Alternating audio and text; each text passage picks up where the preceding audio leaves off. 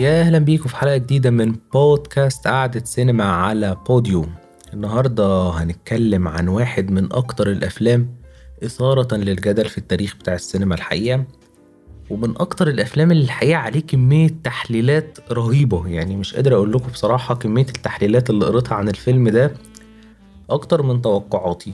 والحقيقة برضو إن الفيلم ده فيه ناس بيصنفوه كأكثر الأفلام رعبا في التاريخ.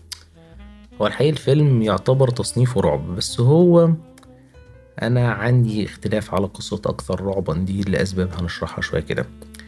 خلينا نقول إيه فيلمنا النهاردة؟ الفيلم هو The Shining انتاج سنة 80 إخراج ستانلي كوبريك.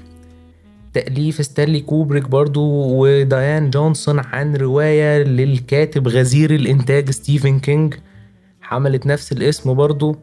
وصدرت تقريبا لو أنا فاكر صح في أواخر السبعينات سنة 77 يعني. الفيلم بطولة العظيم جاك نيكلسون شيلي دوفال الطفل داني لويد اللي ما عادش طفل دلوقتي كان طفل في وقتها. وموسيقى ويندي كارلوس وريتشل إيلكايند. الحقيقة كانت صدفة غريبة جدا إن أنا أول مرة يمكن في السينما العالمية ألاقي مؤلفين موسيقى ستات فكانت ظريفة جدا والحقيقة شغلهم كان مميز جدا يعني على قد ما موقعهم من عالم الإنتاج مميز. خلينا نفتكر الأول بقى الفيلم كان بيتكلم عن إيه؟ الفيلم كان بيتكلم عن جاك هو جاك نيكلسون كان شخصيته اسمها جاك في الفيلم فدي هتسهل علينا الأمور الحقيقة. الفيلم بيتكلم عن جاك اللي راح يشتغل كحارس شتوي أو زي ما بيسموه caretaker لفندق من الفنادق. لأن الفندق على جبل والجليد فيه بيبقى صعب فتقريبا مبقاش فيه نسبة إشغال كبيرة. فهو بيقعد فيه هو وعيلته في شقة جوه الفندق وهو راجل عايز يبقى كاتب فمنه ينجز مؤلفاته. بس في لقاء أو الانترفيو بينه وبين مدير الأوتيل بيعرف إن في الحارس الشتوي اللي قابله يمكن في السبعينات ولو افترضنا إن الرواية في الثمانينات يعني قبله بعشر سنين كده قتل مراته وبناته الاتنين بفاس. وحادثة كانت مرعبة جدا وهو حتى قال له محدش قال لك لا قال له أنا أول مرة أعرف الموضوع ده ويمكن كان الناس خايفة تقول لي بسبب إن يعني أنا جاي أقدم في شغل. وبعد ما بنعرف الحكاية دي في خلال تعرفهم على الفندق والفرجة عليه شوية بنكتشف إن داني الطفل عنده القدرة اللي هي تحمل اسم الفيلم اسمها دي شاينينج وهي قدرة إن هو يشوف لمحات من الماضي. فبيشوف الماضي المرعب للفندق وبنتعرف أكتر وأكتر عن قدرة دان عن طريق كبير الطباخين اللي بيحمل نفس القدرة.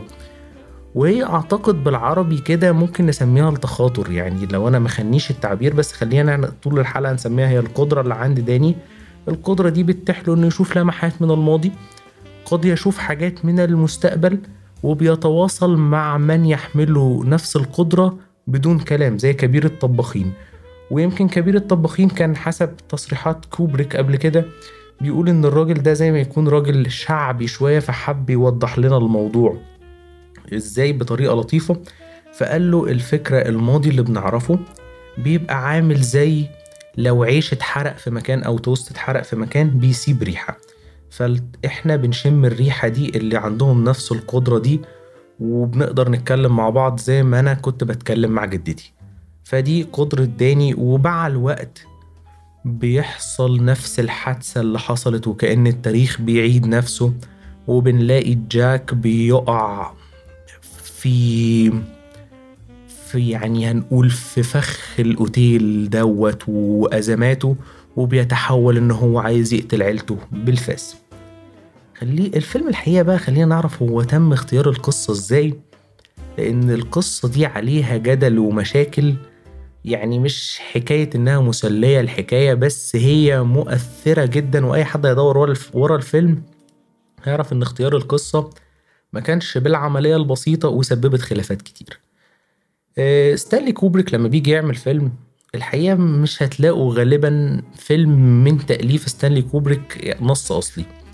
وهو يمكن الراجل على قد ما هو يمكن آه، توفى في أواخر التسعينات يمكن سنة 99 ما لحقش يشوف آخر أفلامه في السينما حتى. آه، ما عملش غير 13 فيلم هو. هو ما كانش غزير الإنتاج وبياخد وقته خالص وفي أفلام تقعد بالسبع تمن سنين على ما تطلع. فالراجل يعني دقيق جدا وهو عايز كل حاجة تبقى perfect لدرجة إن دي عيب حقيقة. واحيانا بيضر الأفلام حتى بعد عرضها. هتعرفوا الحكاية دي شوية كده مع The Shining يعني في أواخر وقت الحلقة. هنتكلم هو عمل إيه بعد ما الفيلم نزل. فكوبريك دايما بعد ما عرض فيلمه Barry Lyndon كان تقريبا في نص السبعينات كان عايز بقى يدور على يعني حاجة قصة جديدة يعملها. فهو طريقة بحثه دايما عشوائية هو بيقعد يقرأ. يعني بقى يقرأ تاريخ يقرأ سياسة يقرأ قصص والناس تبعت له كتب. ويمكن حتى اللي ما بيعجبوش ما بيكملوش. كانت مديرة مكتبه كانت بتقول إنه بيقعد تقعد تسمع صوت الكتب بتتحدف على الحيطة. ما أعرفش القصة دي يعني حمادة يعني صدقها ولا هي قصة تعبيرية عن الأمور يعني. المهم الاستوديو بعت له رواية ستيفن كينج اللي لسه نازلة جديد فعجبته جدا. وهو كان زي ما بيقول أنا اخترت الرواية لأن الرواية دايما بتبقى عندنا فرصة إن إحنا نقراها ونحللها. هو بيعرف يوصل لنفسه فكرة يعني التحليل أو ال first impression عن أي حاجة بعكس إن هو لو هيكون كاتب وغير كده كمان إن هو يعني يقال إن رأي يعني هو كان ليه رأي في كتاب السيناريو إنه ما كانش بيحترمهم بسبب حادثة ما أو بعض حوادث حصلت في بداية ال career إحنا ما نعرفهاش وهو لم يصرح بيها بشكل علني بس هو كان بيحمل نوع من عدم الاحترام شوية. ودايما كان شايف إن الروائيين تحديدا يعني مثلا زي ستيفن كينج هم الناس دي شغلتها تكتب. يعني أنت هتقدر تاخد أحسن حاجة منه لأن الراجل ده بيعمل منتج أدبي كبير قوي. وزي ما إحنا عارفين إن القصة لما بتتكتب ما بيبقاش ليها حدود يعني. ويعني مبقاش مثلا محكوم بحدود التنفيذ بحدود هل ده هيتم إنتاجه إزاي. لا بتكتب الخيال مفتوح وصانع الفيلم هو بيقدر يحدد. فهو كان مستفيد ده جدا. فوقع اختياره بالفعل على قصة ستيفن كينج ولما جاي يعملها كان شايف إن هو محتاج مساعدة وما كانش هو معجب قوي على فكرة باللي عمله ستيفن كينج هو كان عاجبه هيكل القصة الرئيسي. بس التفاصيل والدواخل هنعرفها شوية في الخناقة اللي بينهم بس هو الأول قالك أنا محتاج حد معايا. فكان دايان جونسون كانت عملت الحقيقة كانت كتابين على ما أعتقد هو قراهم معجب بيهم جدا وهي كانت بتدرس أدب الرعب في أحد الجامعات المشهورة في أمريكا. فتمام اتفقوا إن هو يشتغل. فقالت له أنا ما بعرفش أكتب سكريبت يعني. فقال لا لأ خلاص دي شغلانة أي حد ممكن يعملها. فده معناه إن الراجل ما كانش مقتنع قوي زي ما أنا قلت بموضوع كتاب السيناريو. هي شغلانة أي حد بيعملها وأنا اللي هو هعلمك الموضوع ده في يومين ثلاثة زي ما هو بيقول كده يعني. فبعد ما طلع الفيلم الحقيقة يعني اللي ثار جدا هو ستيفن كينج لأن هو ما كانش هو لحد النهارده بيقول الفيلم ده مش عاجبني.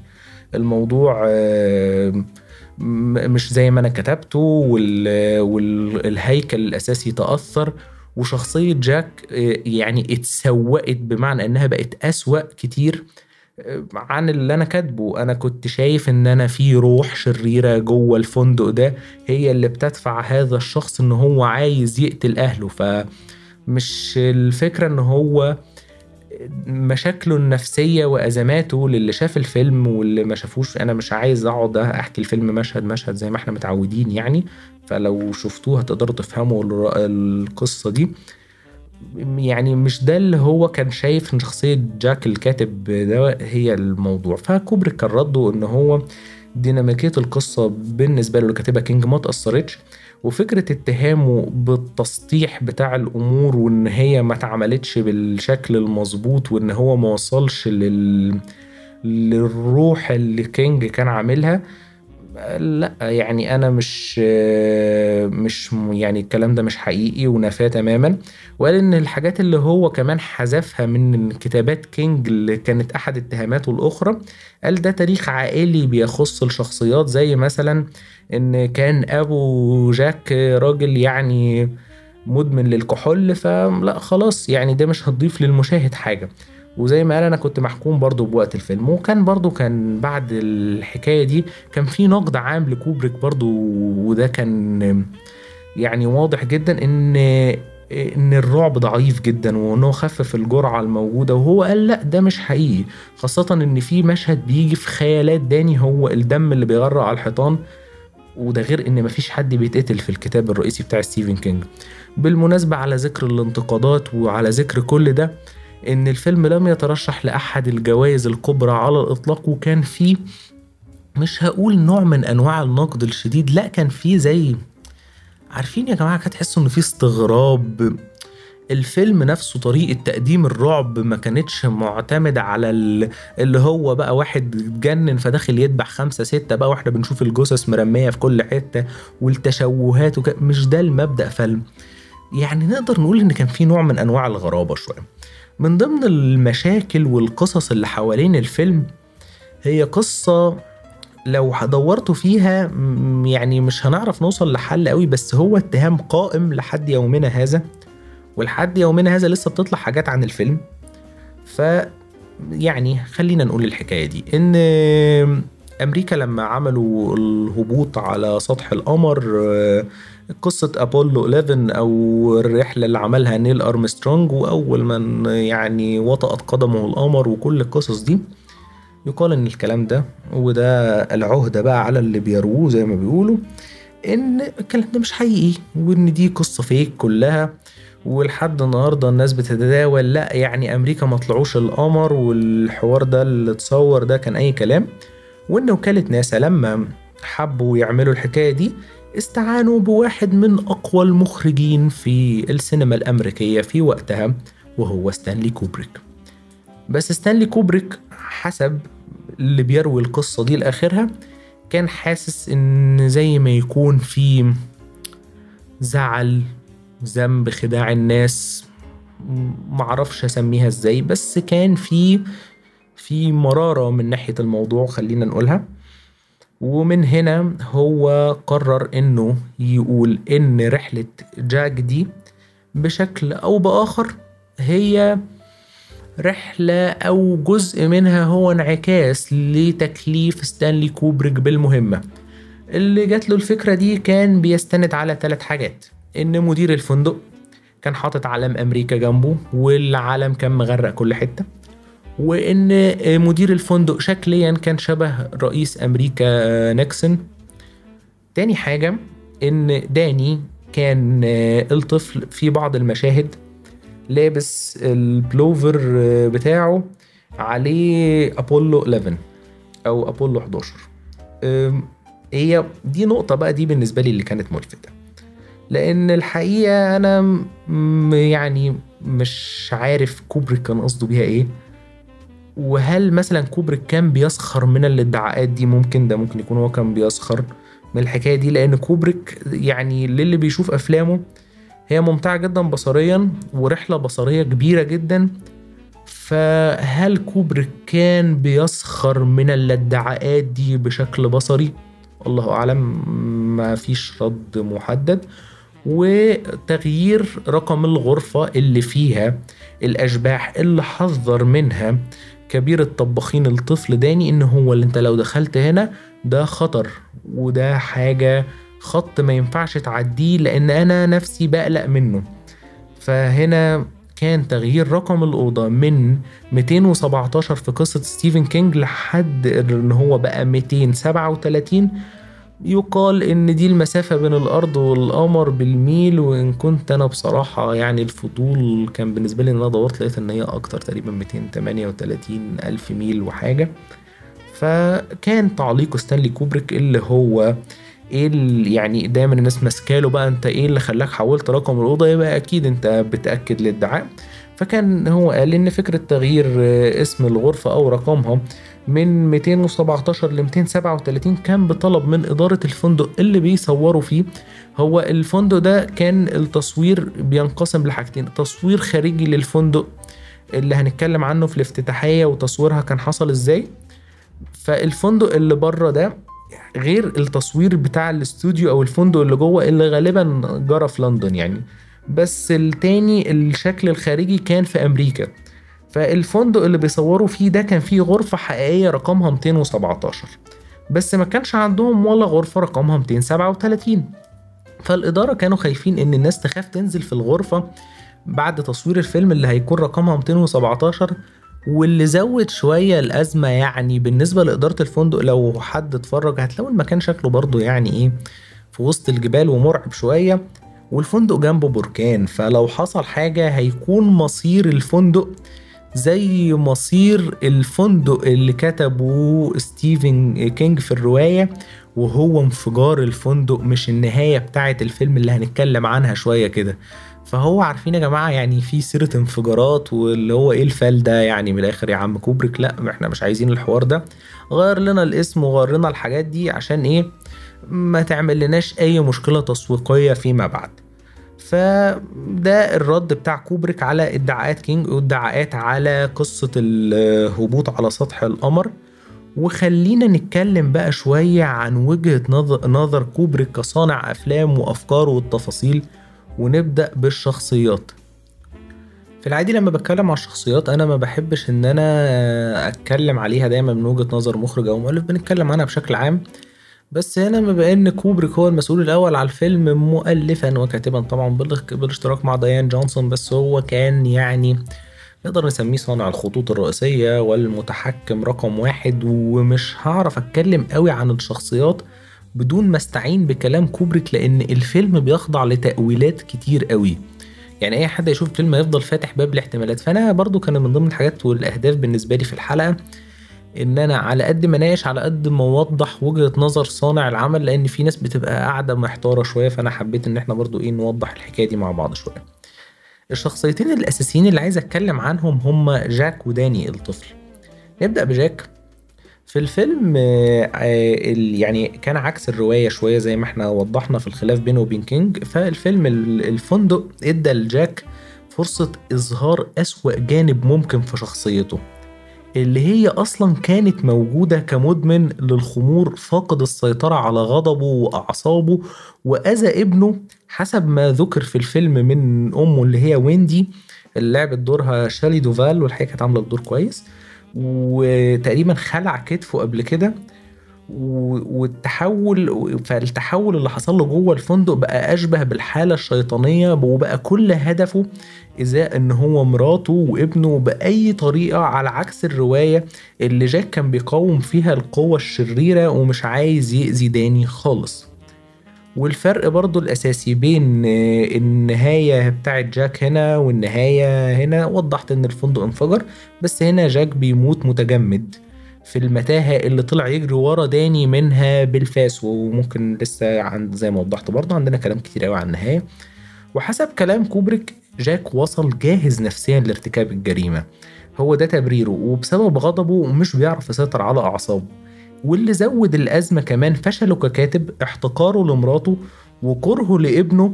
فدي كلها عناصر مع اللعنة أو الروح اللي في الفندق اللي بتدفعهم للجانب الجنوني في شخصيتهم فده أظهر كل الجوانب السيئة وخاصة مع ظهور شبح الكير تيكر السابق اللي في سنة 70 قتل مراته وبنتينه وكان اسمه جريدي فظهر له في صورة واحد من ال waiters أو من الناس اللي بيخدموا في الفندق. وقابله في الحمام وقعد يتكلم معاه وقال له إن داني بيعمل غلطة كبيرة جدا وعايز يدخل واحد غريب بينهم وهو الطباخ اللي بيحمل نفس قدرة داني.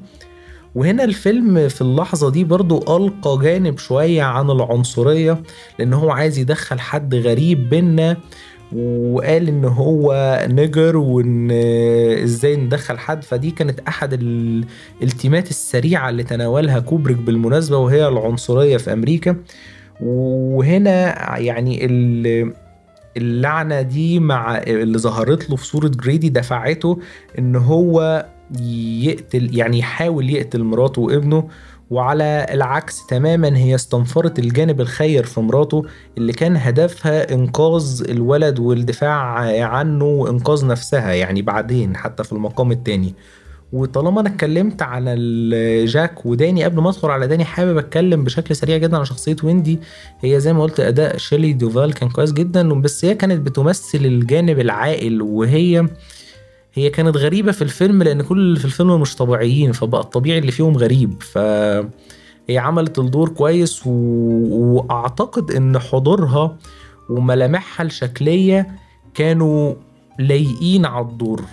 معرفش أنا ما شفت لهاش حاجات تانية تقريبا أو مش متذكر لها حاجات آه، قديمة من اللي هي عملتهم. بس هي كانت يعني الدور ده زي ما يكون متفصل ليها من كل النواحي. فبصراحة كان عاجبني اختيارها جدا. ندخل بقى على داني. داني الحقيقة هو ال- القدرة اللي عنده دي كمان بتظهر له عن طريق صديق خيالي اسمه آه، توني. وبيتكلم آه، ولما هو جه وصفه قال إن توني مستخبي جوه بقه وبيقول له حاجات. ولما الدكتورة آه، بتتكلم معاه ساعة ما أمه صرحت ليها إن هو جاك أذاه قال لها إن هو مستخبي جوه معدته. الحقيقة أداء الطفل كان جيد جدا جدا جدا. والتحول بين شخصيته والصوت اللي بيعمله بيتغير وهو بيكلم صباعه وبيقلد توني أو بيتحول لتوني كان بالنسبة لي يكاد يكون مبهر لأن أنا مش دايما بسهولة بلاقي طفل بيعرف يمثل كويس. وعلى فكرة يمكن أحد المشاكل في مصر يعني مش مش كتير قوي بنلاقي أطفال كويسين ولدرجة إن هما بيبقوا اتنين تلاتة أطفال كل فترة كده لحد ما يكبروا بيمسكوا دور الطفل. ففعلا نادرا لما حد بيلاقي طفل كويس. وداني لويد كان متمكن جدا جدا من أداء الدور. كوبريك كان تعليقه إن القدرة اللي عند داني مش كاملة. وده كان يعني ده شرحه بقى لل shining نفسه.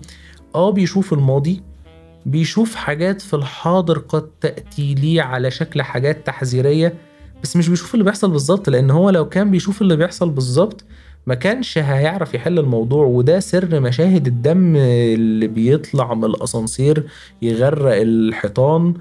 وظهور التوأم الخاطف ليه والتوأم دول اللي هما البنتين اللي اتقتلوا في الفندق بيظهروا له وبيقولوا له تعالى العب معانا على طول وكده.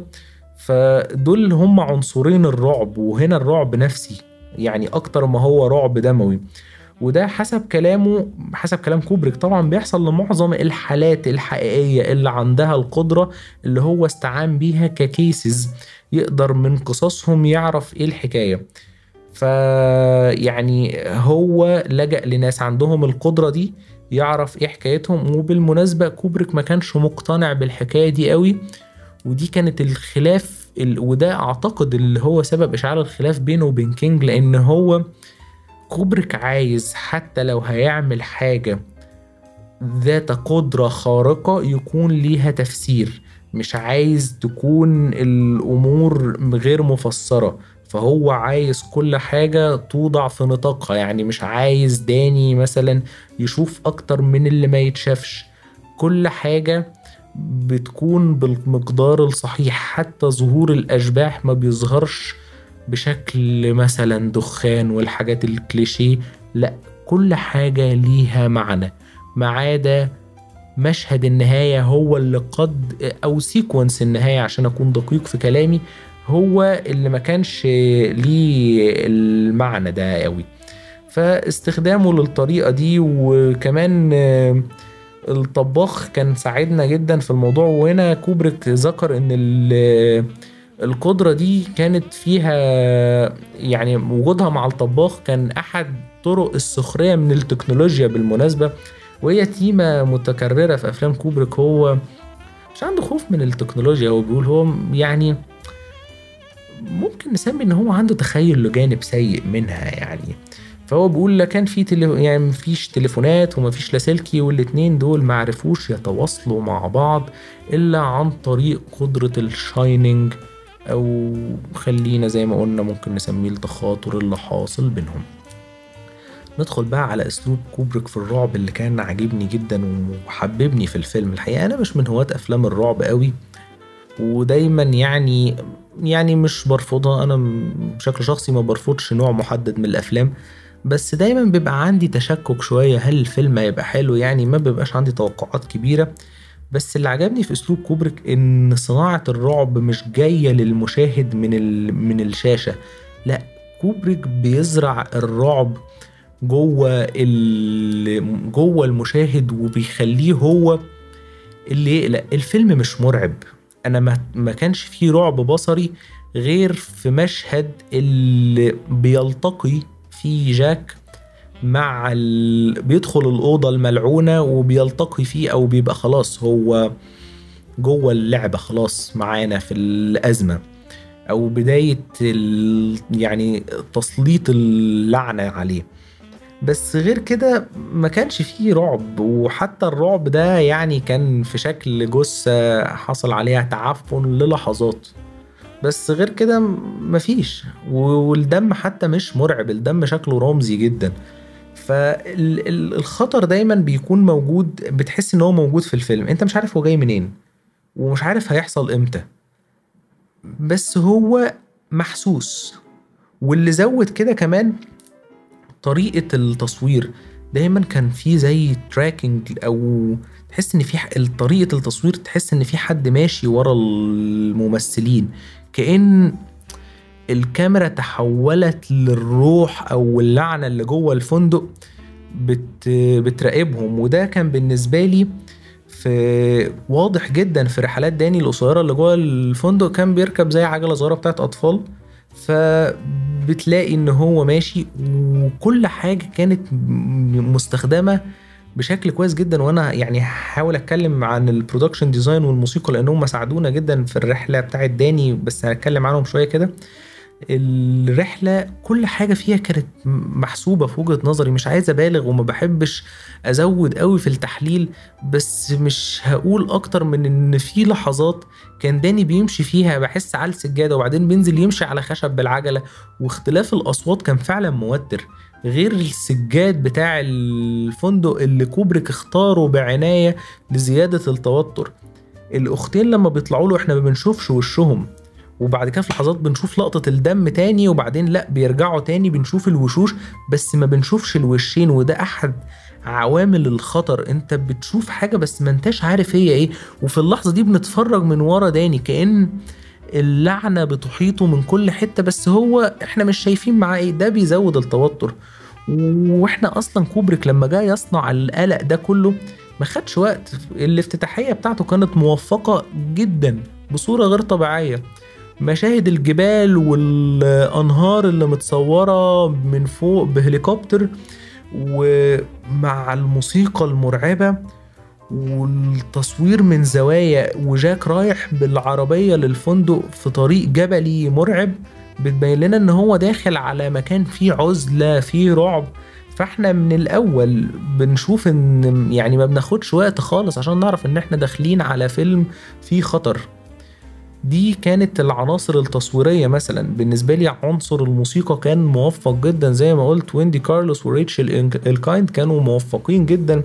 يعني حتى في الافتتاحية الموسيقى كانت عبارة عن موسيقى مش شبه لا هي re-orchestration أو إعادة توزيع لموسيقى جنائزية من القرون الوسطى اتعملت بشكل متطور. وعلى فكرة الواضح إن ويندي كارلوس في أواخر السبعينات أول الثمانينات كانت من الناس يعني الرواد يظهر في إنجلترا في استخدام الموسيقى الإلكترونية.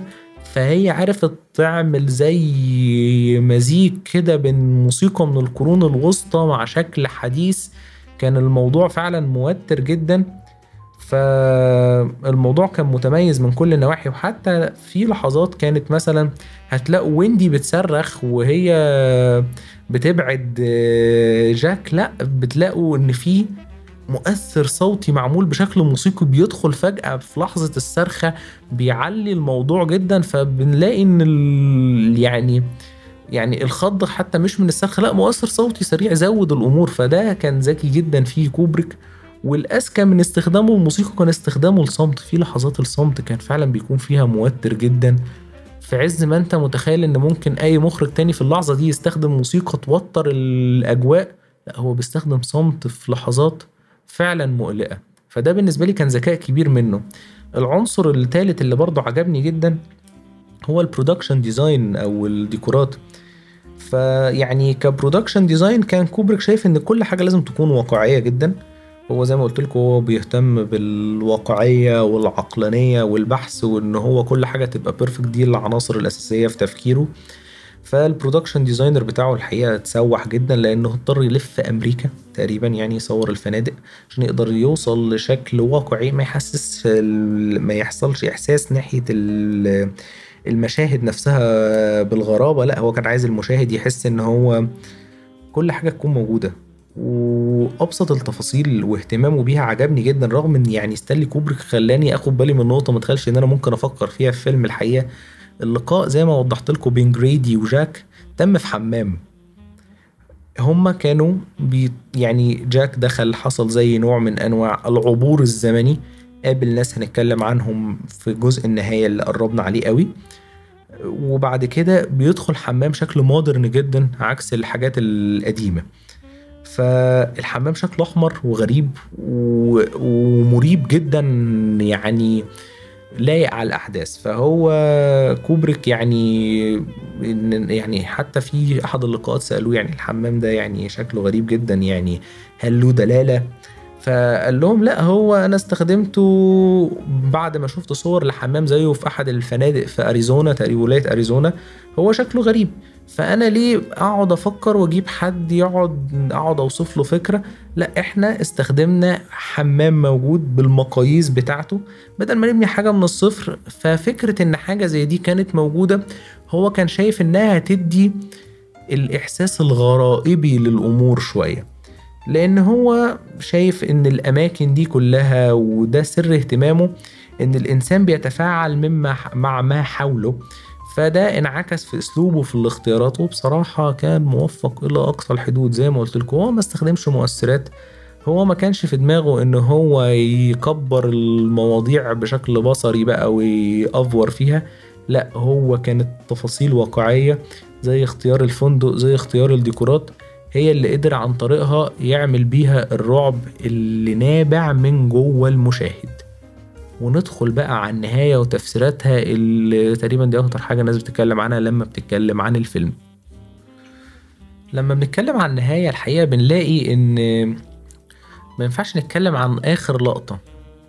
الموضوع بيتاخد ك sequence والمناقشة كلها بتتاخد ك sequence بعد ما بتحتدم المناقشات بين ويندي وجاك كزوجين فهي بتضربه على راسه فبيقع من على السلم فبتحبسه في الغرفة بتاعة تخزين الحاجات المعلبات.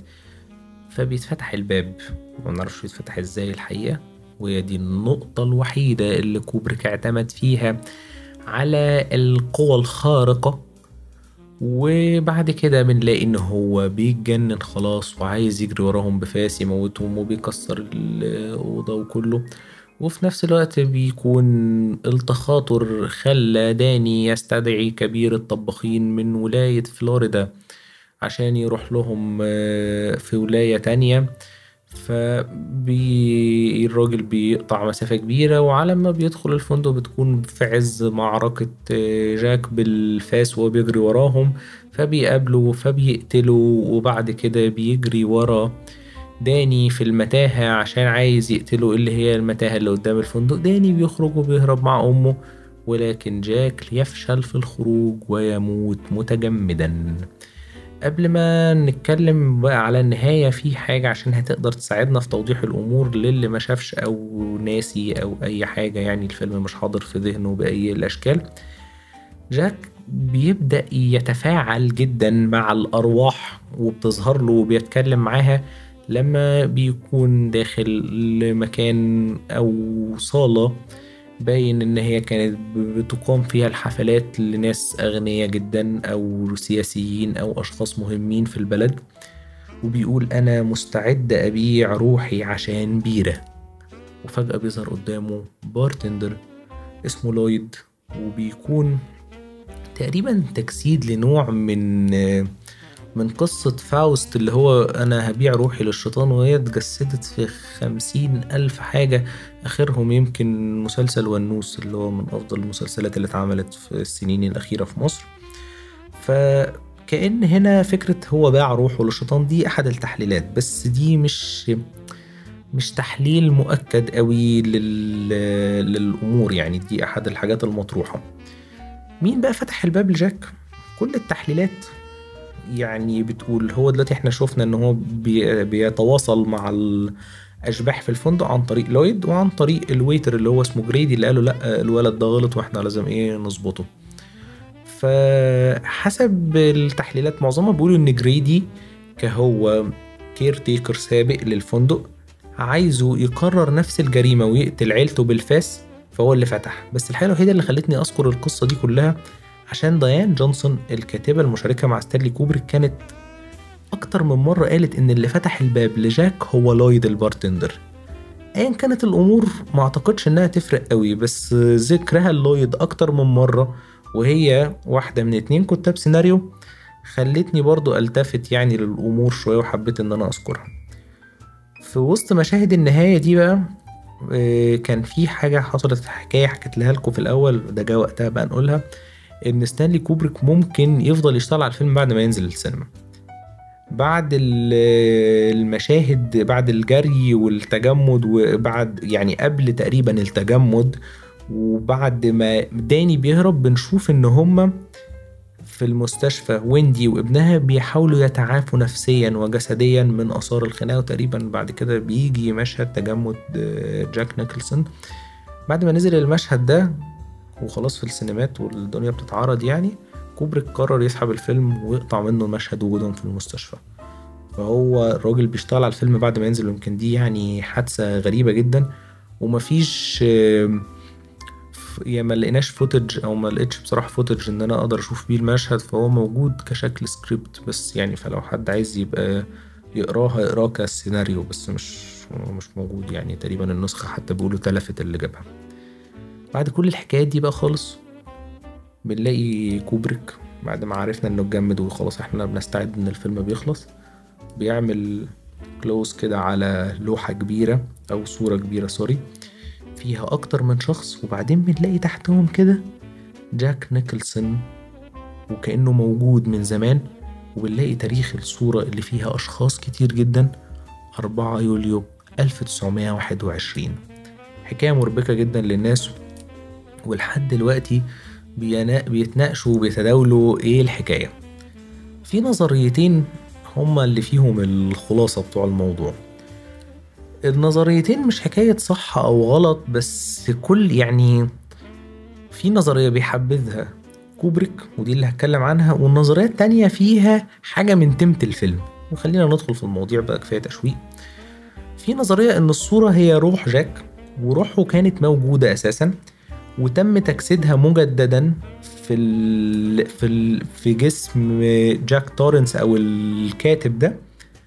ويمكن كان في إسقاط على النقطة دي لما جاك كان بيكلم مراته في أحد المرات وكان كلمها عن إحساس ال déjà vu اللي في المكان وإن هو حاسس إن المكان ده يعني هو عارفه كويس. ده غير كلامه مع لويد ال bartender لما ظهر له إن هم يعني كأنهم معرفة قديمة. غير حاجة تانية إن كوبريك يعني كان مخلي جاك نيكلسون متعمد لما يعدي فجأة كده ويبقى ماشي في الفندق بعد الضغوطات ومشاكله ككاتب يقوم داخل في الصالة اللي فيها ناس كتير قوي معزومة ويحصل زي مرور زمني وبعدها بيتقابل مع جريدي. ما كانش بيستغرب يعني مش اللي هو دخل إيه ده إيه أنا فين؟ لا لا لا عادي هو مكمل كده كأنه عارف السكة جدا. فهو كان في نوع من أنواع التعمد. إن يعني ما يحصلش أي نوع من أنواع الاستغراب كأن روحه ساكنة الفندق. النظرية دي في أحد الحوارات المطولة مع كوبريك أشار ليها إن هو روحه أعيد تجسيدها في جسد تاني.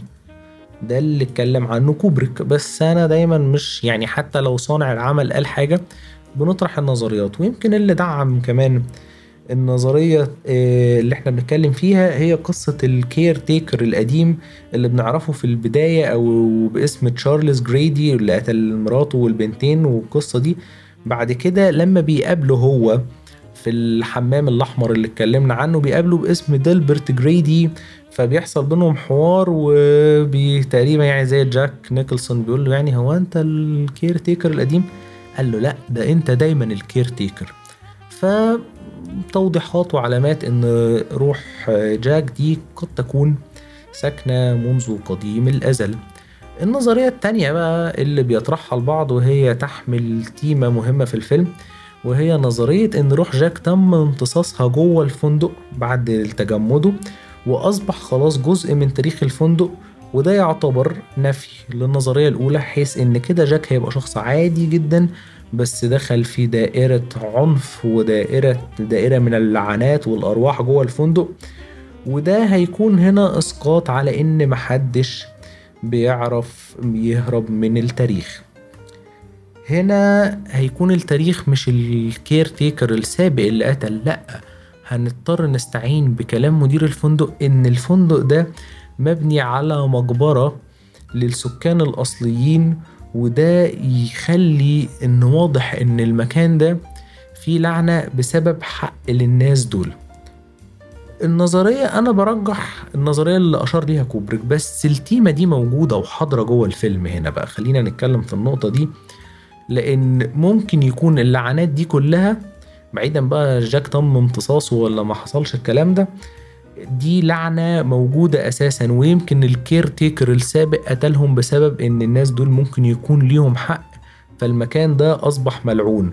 وهنا كوبريك بيشير لتاريخ سيء في أمريكا ومذابح كبيرة ويمكن تم تأكيد الفكرة دي قوي بسبب الدم اللي موجود وبينزل من الأسانسير بيبقى رهيب كأنه أنهار من الدماء وخلاص وبقت ماشية في الفندق.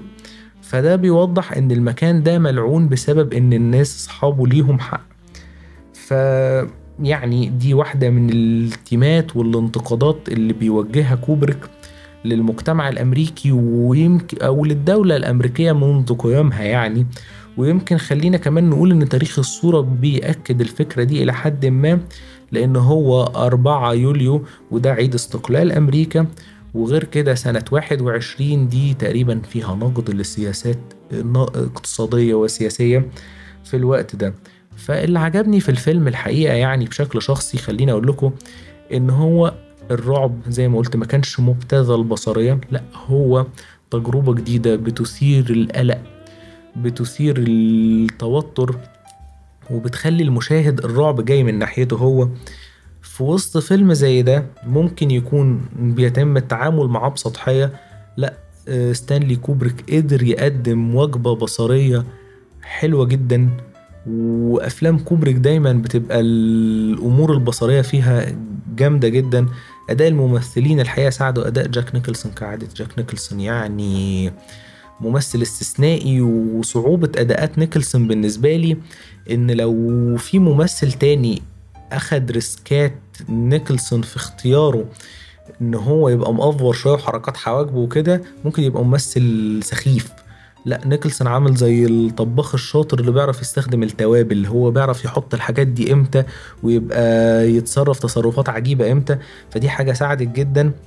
الحاجات اللي استخدامه للتيمات زي اللي محدش يقدر يخلص من التاريخ والتاريخ دايما بيطارد يعني أي حد وبيفضل موجود وده إرث لا يمكن التخلص منه حقيقة تيمة عجبتني بشكل شخصي. الأمور اللي عرف ينتقد ويوضح حاجات ويقدر يفتح باب للتساؤلات دايما للجمهور لحد النهارده. الناس بتتكلم وتحلل ده ذكاء كبير جدا جدا.